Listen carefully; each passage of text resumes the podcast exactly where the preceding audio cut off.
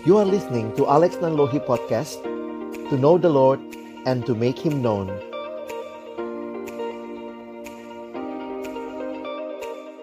Shalom, selamat malam Bapak, Ibu, Saudara yang dikasihi dalam Tuhan Yesus Kristus. Tema kita malam hari ini adalah Harapan Orang Benar. Saya mempersiapkan slide buat kita Jika mungkin untuk ditampilkan. Dan hari ini kita akan melihat firman Tuhan yang eh, disampaikan di dalam Yeremia pasal yang ke-17 ayat yang kelima sampai dengan ayat yang ke-8. Kita akan melihat sama-sama Yeremia 17 ayat 5 sampai 8. Beginilah firman Tuhan. Terkutuklah orang yang mengandalkan manusia, yang mengandalkan kekuatannya sendiri dan yang hatinya menjauh daripada Tuhan. Ia akan seperti semak bulus di padang belantara, ia tidak akan mengalami datangnya keadaan baik. Ia akan tinggal di tanah angus di padang gurun, di, te- di negeri padang asin yang tidak berpenduduk. Diberkatilah orang yang mengandalkan Tuhan, yang menaruh harapannya pada Tuhan. Ia akan seperti pohon yang ditanam di tepi air, yang merambatkan akar-akarnya ke tepi batang air, dan yang tidak mengalami datangnya panas terik, yang daunnya tetap hijau, yang tidak khawatir dalam tahun kering, dan yang tidak berhenti menghasilkan buah. Bapak, ibu, saudara yang dikasihi dalam Tuhan Yesus Kristus, bagian ini yang apa yang baru saja kita baca Yeremia 17, latar belakangnya adalah ketika itu bangsa Yehuda sedang berada dalam ancaman bangsa Babel. Sebuah bangsa adidaya pada masa itu yang memiliki kekuatan militer yang sangat kuat. Dalam kondisi sulit yang dialami, bangsa Yehuda mereka tidak datang kepada Tuhan. Padahal mereka adalah umat Tuhan, milik Tuhan. Mereka lebih memilih untuk mengandalkan kekuatan mereka sendiri. Sehingga ayat-ayat yang kita baca barusan merupakan sebuah peringatan yang diberikan oleh Tuhan kepada bangsa Yehuda saat itu. Dan ini juga yang menarik untuk kita perhatikan dalam hidup beriman kita ketika ada pergumulan, ada tantangan yang kita hadapi, maka pertanyaannya, apa atau siapa yang biasanya kita percayai untuk menolong kita dalam menghadapi masa sulit. Kepada siapa kita berharap?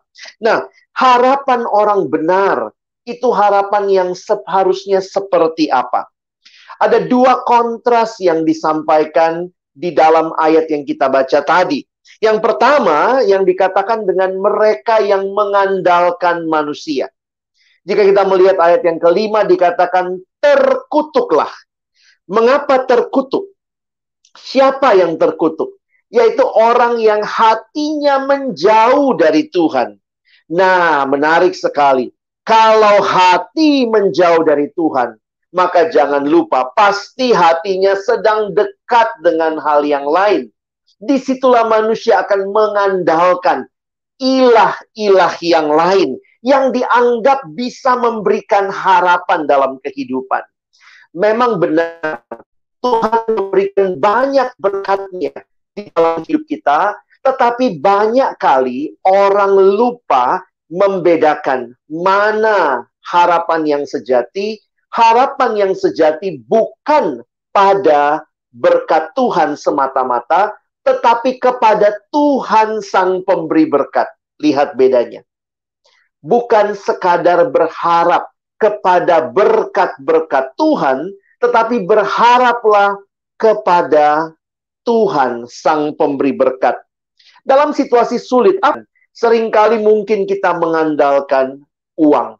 Kita berpikir kalau saya punya uang tentunya akan lebih mudah. Tetapi kita pun mungkin kehilangan keyakinan bahwa ada Allah, dia Allah yang sanggup memberikan uang berapapun jika memang itu yang dia kehendaki. Tetapi Allah adalah sumber yang membawa kita sebenarnya untuk tetap bergantung dan berharap kepada Dia. Kita mungkin percaya diri yang berlebihan, merasa diri kitalah segala-galanya, sanggup menyelesaikan segala sesuatu. Mungkin kita berharap kepada teman.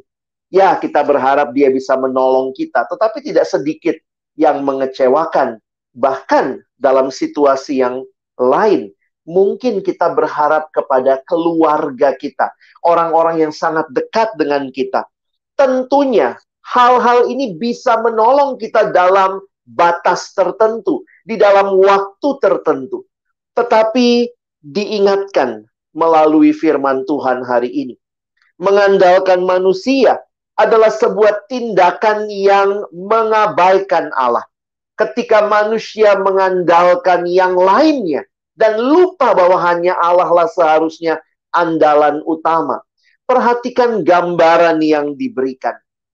Ia akan seperti semak bulus di padang belantara. Lalu dikatakan tinggal di tanah angus, di padang gurun. Ini gambaran apa? Sebenarnya satu hal yang menarik jika kita mengetahui kondisi Palestina, maka gambar seperti ini mungkin Bapak Ibu Saudara banyak melihatnya. Sebuah kondisi tanpa kehidupan.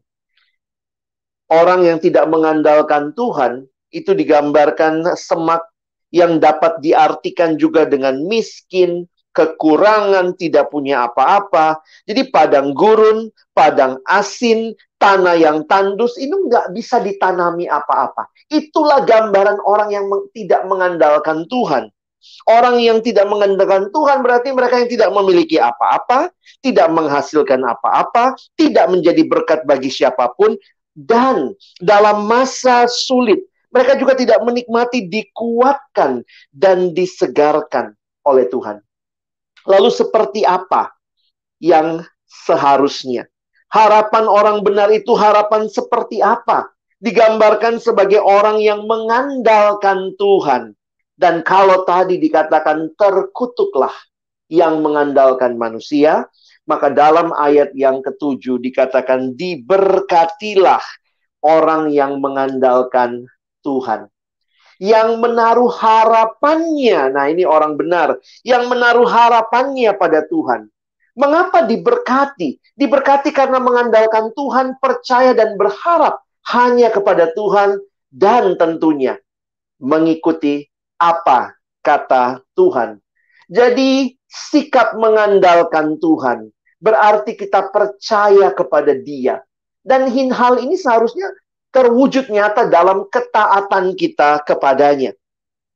Gambaran yang diberikan sangat berbeda dengan yang tadi.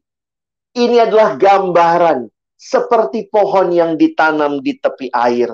Kalau tadi adalah sebuah gambaran kematian, maka gambaran kehidupanlah yang menandai atau menggambarkan hidup orang percaya hidup orang yang berharap kepada Tuhan. Berarti kita melekat dengan sang sumber kehidupan. Sebagaimana pohon yang ditanam di tepi air. Pohon yang akan ditanam di tepi air ini akan terus bertumbuh dan tentunya berakar dengan kuat. Meski mengalami masa sulit, bukan berarti tidak ada kesulitan, tetapi tetap dapat bertahan, bahkan bertumbuh dan berbuah. Demikianlah hidup yang menaruh harapan pada Tuhan. Hidup yang mengandalkan Tuhan adalah hidup yang diberkati. Tapi bukan berhenti menikmati berkat. Tetapi juga menjadi berkat melalui berbagai buah yang dihasilkan. Saya pikir harusnya orang Kristen tidak hanya berharap kepada Tuhan supaya dia menikmati berkat, tetapi supaya dia pun boleh dipakai Allah menjadi berkat bagi sesama. Maka pertanyaannya bagi kita, dalam masa-masa sulit, apakah kita tetap percaya bahwa Tuhan sanggup menolong kita? Maukah kita tetap taat kepada Dia? Bahkan di saat-saat yang kita belum pahami situasinya. Seringkali waktu kita mengalami pergumulan yang berat, mengalami penderitaan, di situlah sebenarnya baru terlihat dengan jelas ya. Siapa yang kita percayai? Kita hanya berharap pada diri kita, pada situasi di sekitar kita, ataukah kita benar-benar berharap kepada Tuhan? Di dalam perjanjian baru kita bersyukur Karena dikatakan Yesuslah pengharapan kita. Pengharapan saudara dan saya bukan situasi. Pengharapan saudara dan saya bukan benda, bukan situasi, bukan uang, tetapi seorang pribadi. Our hope is not a situation, is not just condition, but our hope is a person. And his name is Jesus. Dialah Yesus. Di dalam 1 Petrus 1 ayat yang ketiga. Perhatikan bagaimana Rasul Petrus memuji Allah. Terpujilah Allah dan Bapa Tuhan kita Yesus Kristus. Yang karena rahmatnya yang besar telah melahirkan kita kembali. Oleh kebangkitan Yesus Kristus dari antara orang mati. Nah perhatikan kepada suatu hidup yang penuh pengharapan. Bapak, ibu, saudara, bagaimana menghayati ini? Kenapa pengharapan itu bisa membawa kita melangkah maju? Kalau Bapak, ibu, saudara perhatikan bahwa siklus hidup manusia itu cuma lahir, hidup, mati. Lahir, hidup, mati. Tetapi ketika kita melihat Yesus, dia tidak hanya lahir, hidup, mati. Dia bangkit. Dan karena itu Petrus berkata, oleh kebangkitan Kristus, kita dibawa kepada suatu hidup yang penuh pengharapan. Sehingga kematian bukan akhir dari hidup beriman kita. Tetapi kebangkitan itu harapan kita. Orang percaya, orang benar. Sehingga kita punya pengharapan yang hidup. Kenapa? Karena kita punya juru selamat yang hidup. We have a living hope. Because we have a living Savior. Kita bernyanyi biasanya waktu Pasca. Sebab dia hidup. Ada hari esok. Because he lives. I can face tomorrow. Bersama Yesus. Yang sudah mengalahkan maut. Maka apa pun pergumulan yang kita hadapi. Kita bisa berharap. Karena maut saja dia selesaikan. Maka kalau kita berharap kepada dia, kita pun merindukan Tuhan membawa kita melangkah maju di dalam iman. Because of Jesus, there is always hope even in the darkest moment of your life. Saya menutup dengan ayat dari Roma 15 ayat 13. Ini adalah doa Paulus di akhir bagian kitab Roma dia berkata, semoga Allah sumber pengharapan. Bukan uang sumber pengharapan kita, bukan keluarga sumber pengharapan kita, tetapi Allah sumber pengharapan. Memenuhi kamu dengan dua hal, sukacita dan damai sejahtera dalam iman kamu. Supaya oleh kekuatan roh kudus, kamu bukan hanya punya pengharapan Bapak Ibu. Kamu akan berlimpah-limpah dalam pengharapan. Remember, our God is God, the God of hope. And hope causes an overflow of joy and peace. Dari pengharapan itu, kita bisa menjalani hari-hari hidup dengan sukacita, kita bisa menjalani hari hidup dengan damai sejahtera, karena kita percaya bahwa ada pengharapan yang kekal di dalam Kristus. Kiranya firman Tuhan ini meneguhkan kita juga di awal tahun yang baru ini untuk benar-benar berharap kepada Tuhan, miliki relasi dengan Dia, baca dan renungkan firman-Nya setiap waktu, miliki komunitas yang sama-sama berharap kepada Tuhan, dan kiranya kita melangkah maju bersama di dalam Tuhan di tahun ini. Amin.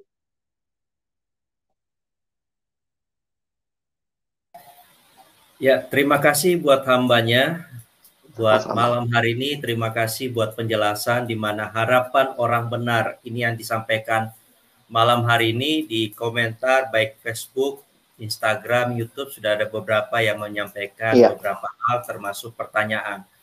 Kita langsung saja Pak diawali dengan satu baik. pertanyaan Pak. Sebenarnya apakah beda atau sama Pak harapan dan iman? Dan jikalau hal itu mm. mulai bagaimana Pak memulihkan? Kadang-kadang kan sering kali dalam situasi ini susah Pak untuk menjaga harapan untuk tetap kuat.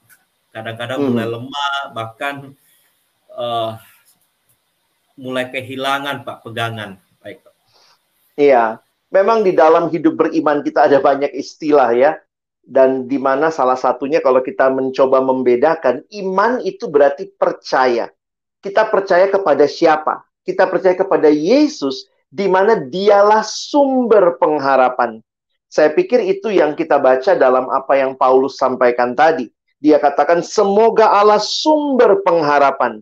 Jadi bagi kita yang percaya kepada Allah, kita percaya bahwa dia adalah sumber pengharapan. Nah, bagi saya inilah yang sebenarnya menjadi keindahan hidup beriman. Saya coba jelaskan secara sederhana. Pengharapan itu beda dengan optimisme. Optimisme itu kita punya pengharapan atau kita punya optimisme karena lihat kondisi.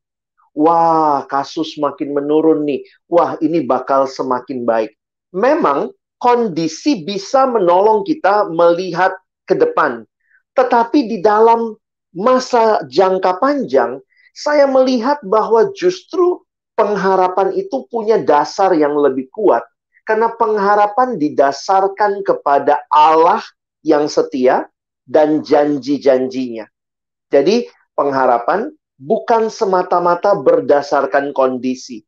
Seringkali banyak hal kondisi belum berubah. Tapi bisakah kita punya pengharapan? Bisa. Karena kita percaya kepada Allah yang setia, kepada janjinya, dan Allah yang akan menggenapkan kehendaknya. Nah, di dalam kekristenan, pengharapan itu seperti ini kali ya, Pak. Saya coba ilustrasikan begini. Seperti seorang anak yang dijanjikan oleh orang tuanya ya. Nanti kalau kamu belajar yang rajin, kamu naik kelas, maka ke depan orang tua akan ajak jalan-jalan misalnya ke mana nih? Oh ke Disneyland di Hong Kong. Wah. Jadi dia dikasih janji begitu ya. Nah orang tuanya janji seperti itu. Maka ketika anak itu belajar. Dia belajar, dia ingat. Wow, Disneyland Hong Kong. Belum, belum ke Disneyland ya masih nanti. Masih nanti ke Hong Kongnya. Tetapi seperti itulah yang namanya pengharapan. Pengharapan belum terjadi saat ini secara penuh, tetapi telah mempengaruhi iman kita, telah mempengaruhi hidup kita untuk terus menatap dan percaya bahwa apa yang Allah janjikan akan Dia berikan. Nah, pengharapan itu seperti itu. Ketika anak itu mulai malas belajar, mungkin pelajarannya susah. Aduh, papa mama saya give up, saya mau nyerah aja, nggak mau belajar tapi dia ingat lagi. Uh, Disneyland Hong Kong. Wah, dia semangat lagi. Nah, demikianlah pengharapan itu. Pengharapan akan membuat kita yang hidup saat ini di dalam terang masa depan.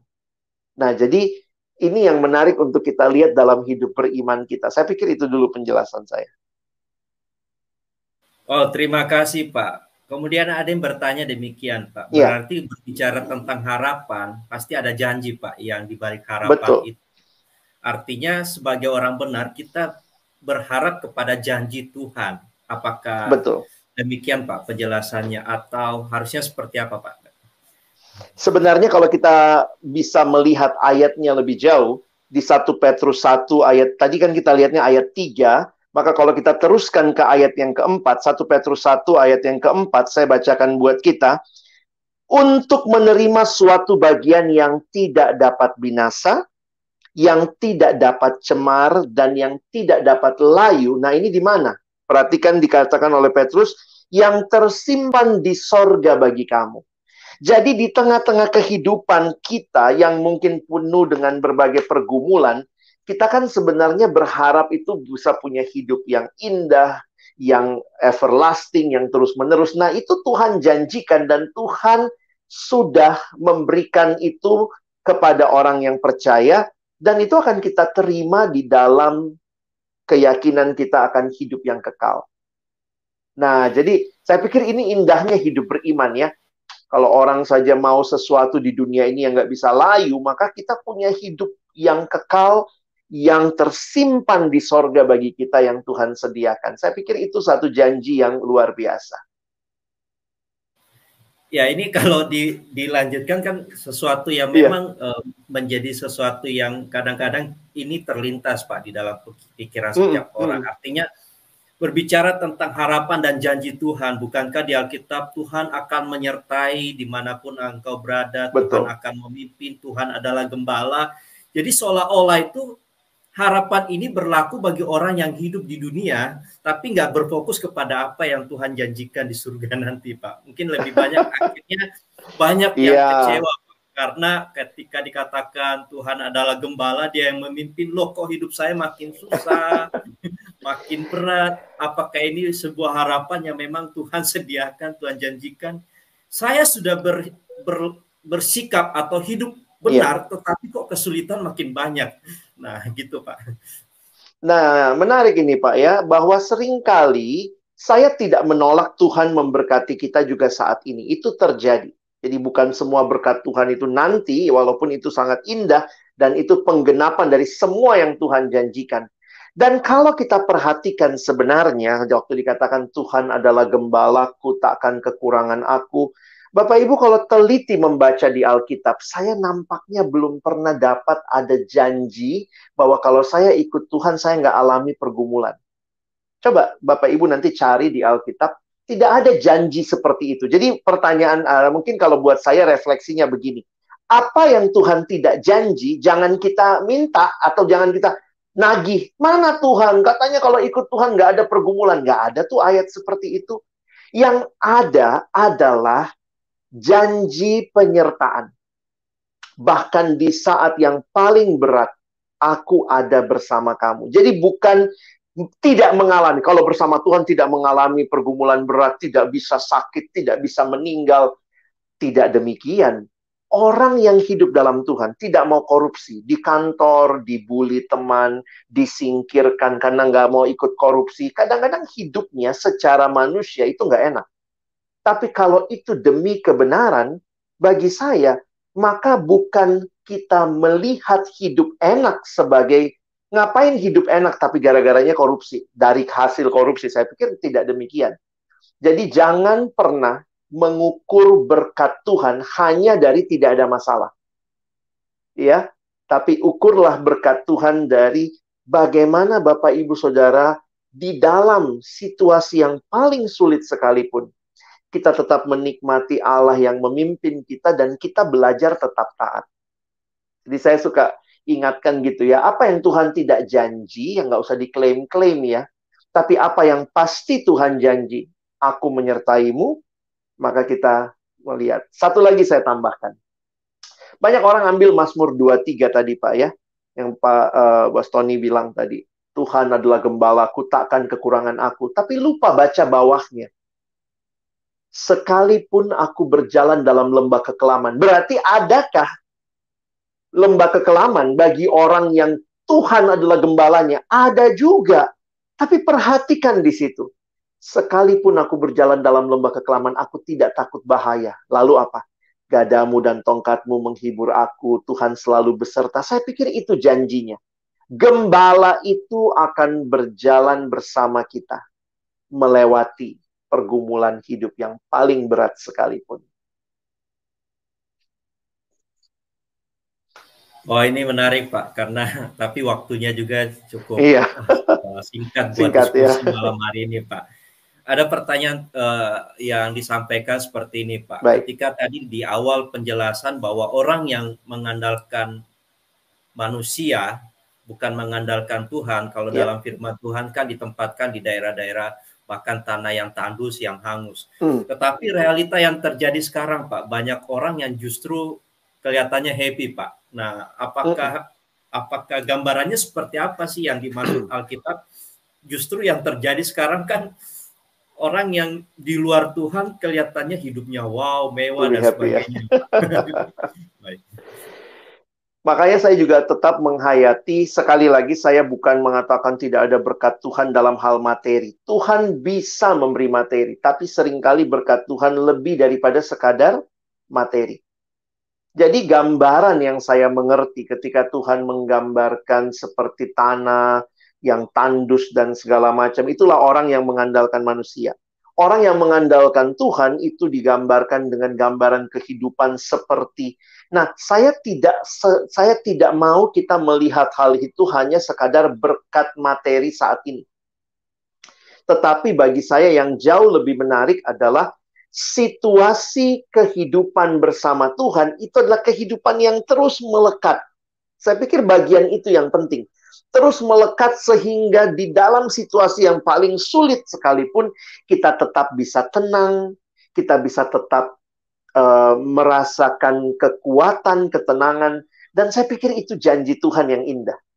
Bahwa dalam situasi yang paling sulit, saya tetap melekat sama Tuhan. Jadi jangan hanya lihat ilustrasi tadi adalah berkat. Wah, di tanah ini pasti nanti akan dapat berkat. Karena realitanya benar yang dikatakan tadi ya. Banyak orang yang mau sungguh-sungguh dalam Tuhan malah hidupnya karena nggak mau korupsi, nggak mau kolusi, akhirnya disingkirkan. Tapi kenapa dia bisa bertahan? Saya pikir di situlah dia tetap hidup melekat dengan Tuhan.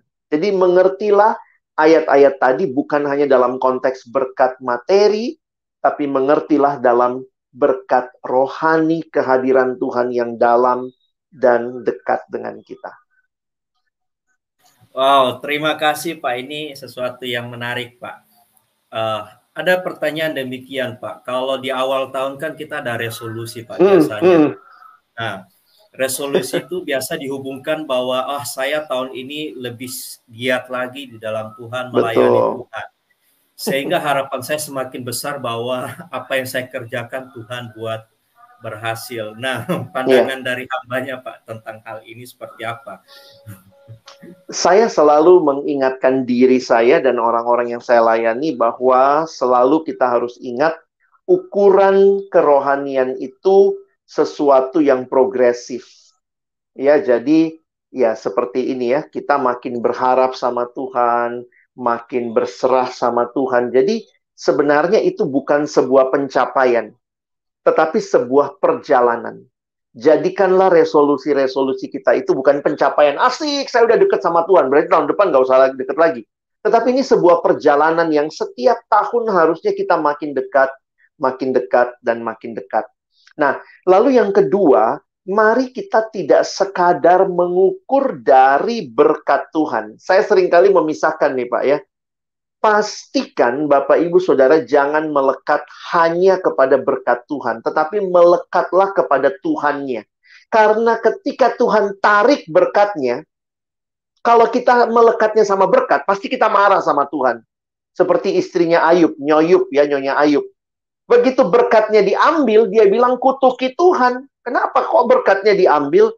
Lalu Ayub berkata, masakan kita hanya mau menerima yang baik dari Allah? Ayub belajar melihat berkat dengan tepat. Ayub melekat sama Allah. Nyoyub, Nyonya Ayub nampaknya melekat sama berkat Tuhan. Makanya kita perlu bisa melihat. Bagi saya kerohanian yang semakin bertumbuh bukanlah kerohanian yang berhenti ketika melekat sama berkat Tuhan. Tetapi kerohanian yang tetap melekat sama Tuhan meskipun berkat yang kita mungkin rindukan, harapkan kita tidak dapatkan. Mungkin bagi Bapak Ibu Saudara yang mendengar saat ini ya, ada yang berharap, Tuhan, saya sudah kanker sekian lama, saya maunya sembuh Tuhan. Tapi sembuh itu kan berkat Tuhan. Tetapi kalau Bapak Ibu belum diizinkan sembuh, Bapak Ibu masih tetap melekat nggak sama Tuhan? Nah ini pertanyaan buat kita. Apakah kita hanya mau kesembuhannya? Atau kita mau Tuhannya? Dan ketika Tuhan jadi bagian kita, maka sembuh atau tidak, bukan itu lagi yang penting. Tetapi saya tetap bersama Tuhan. Dan itu ketenangan yang sejati.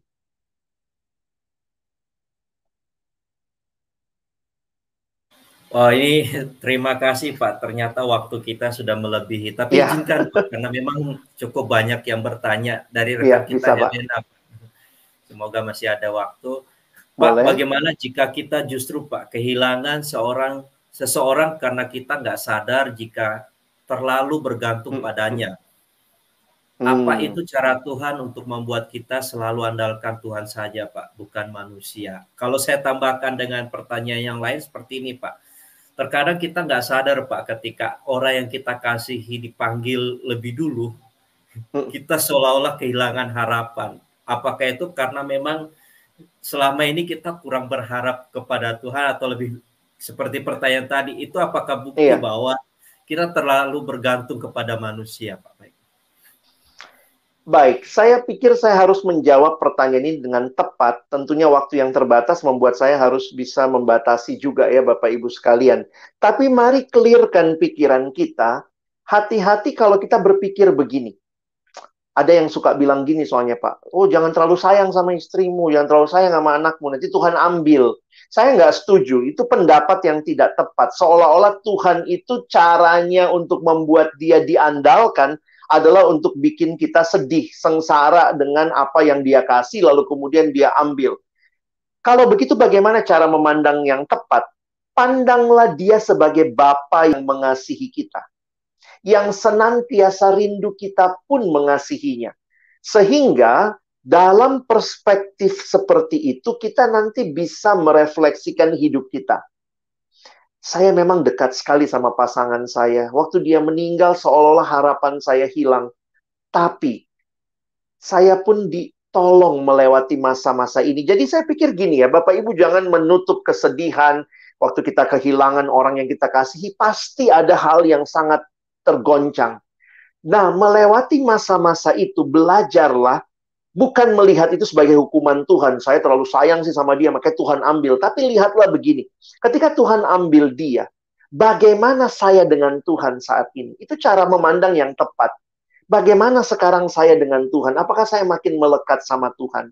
Apakah saya makin bisa melihat Tuhan sedang mengajak saya berfokus lebih jauh lagi kepadanya? Jadi uh, di situ cara pandangnya ini yang perlu kita bangun Pak ya supaya akhirnya kita tidak terjebak. Kayaknya Tuhan itu Tuhan yang uh, jahat ya. Hati-hati loh deket sama berkat Tuhan. Nanti diambil berkatnya uh, lalu supaya kita lebih mengasihi Tuhan. Saya saya merasa kita perlu teologi yang lebih utuh untuk tidak melihat Allah seperti itu. Dia Bapa yang mengasihi kita. Nah tapi di sinilah Bapak Ibu berbagai peristiwa hidup baik itu mungkin kita anggap berkat maupun kita anggap itu hal yang men menyakitkan, saya pikir kedua-duanya harus membuat kita merefleksikan apakah kita semakin dekat sama Tuhan atau tidak. Maksudnya begini, jangan cuma refleksikan kalau saya kehilangan orang yang saya kasihi, Tuhan mungkin mau saya lebih dekat sama dia. Saya mau ajak Bapak Ibu berpikir begini. Kalau Bapak Ibu dapat berkat, promosi nih, tiba-tiba dikasih promosi keluar bonus sekian puluh juta. Masih bertanya yang sama nggak? Jangan cuma nanya, saya makin dekat sama Tuhan ketika ada yang diambil, kedukaan. Tapi waktu syukur, waktu sukacita, tanyakan juga. Apakah bonus yang saya terima? Apakah naik gaji yang saya terima? Apakah promosi yang saya terima? Itu pun membuat saya makin dekat sama Tuhan. Nah, itu saya pikir kerohanian kita makin bertumbuh. Oh, terima kasih Pak. Ini ada banyak Sama-sama. komentar yang masuk dari rekan kita. yeah. Dia menyampaikan kita belajar firman Tuhan bukan untuk mencari hal yang jasmani, tetapi terlebih penting adalah hal rohani. Sedangkan Amin. hal jasmani hanya bonus yang ditambahkan. Betul Pak. Kemudian dia menyampaikan lagi Tuhan tidak pernah berjanji Pak bahwa ikut Tuhan tidak akan ada ya. masalah. Tapi Tuhan berjanji hmm. untuk selalu menyertai dan memberi jalan keluar. Amin. Sebenarnya masih banyak komentar yang masuk dan uh, rekan kita yang menyampaikan ada yang bahkan menyampaikan sangat terharu Pak dengan statement terakhir. Ya. Memang ya. apa yang sudah disampaikan oleh hambanya menjawab pertanyaan bagi rekan-rekan dan inilah yang hmm. menjadi tujuan utama lahirnya Bara Pak untuk menjawab apa yang menjadi keraguan atau pertanyaan-pertanyaan yeah. dari rekan-rekan yang menyaksikan yang selama ini masih terpendam Pak, belum menemukan jawaban mm. secara teologi yang ada dan kita bersyukur para hamba Tuhan setiap malam hadir untuk uh, memberikan komentar dan jawaban dari rekan-rekan. Thank you buat semuanya. Dan seperti biasa di akhir acara kita akan menutup dalam doa dan saya akan persilakan kepada hambanya. Namun sebelumnya mungkin ada statement terakhir Pak dari hambanya mengenai harapan orang benar Pak untuk uh, malam hari ini. Harapan orang benar bukan terletak pada berbagai situasi, berbagai hal, berbagai berkat duniawi semata, tetapi harapan kita kepada seorang pribadi. Our hope is a person. and his name is Jesus. Datanglah kepadanya dan berharaplah kepadanya. Mari kita berdoa. Bapa di dalam surga, terima kasih banyak karena kami punya Engkau yang adalah sumber pengharapan. Dan anakmu Yesus Kristus yang memastikan kami mengalami pengharapan itu karena Yesus bangkit mengalahkan maut maka kami pun yang percaya beriman kepada Yesus punya pengharapan yang kekal, yang tidak dapat layu, tidak dapat binasa, tidak dapat cemara. Dan itu tersimpan bagi kami di surga. Kami hidup saat ini untuk melekat kepada Tuhan dan janji-janjimu. Kami sungguh bersyukur malam ini Tuhan perbaharui lagi harapan kami. Tuhan menolong kami juga untuk tidak hanya melekat kepada Tuhan waktu situasi-situasi sulit kami alami, tapi hal-hal yang kami alami, yang kami sebut sebagai berkat Tuhan, kiranya itu pun membuat kami terus bertanya, apakah kami semakin melekat kepada Tuhan dengan semua berkat yang kau berikan? Karena berkat-berkat itu sebenarnya hanyalah alat Tuhan menunjukkan kami kepada Sang Pemberi berkat. Terima kasih. Kami terus berdoa untuk Bapak Ibu yang mendengarkan seluruh siaran bara ini. Bersyukur untuk pelayanan bara yang Tuhan berkati.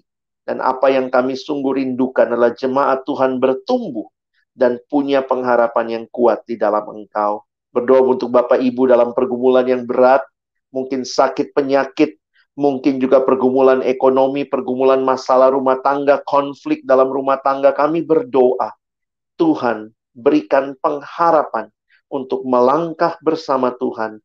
Di dalam Tuhan, kami diberikan kekuatan untuk menghadapi seluruh pergumulan. Sekali lagi kami bersyukur menutup pertemuan malam hari ini dalam nama Yesus kami berdoa. Amin. Amin. Sekali lagi terima kasih Pak buat apa yang sudah disampaikan dan juga apa yang rekan-rekan juga sudah sampaikan melalui pertanyaan dan memang banyak komentar yang masuk Pak.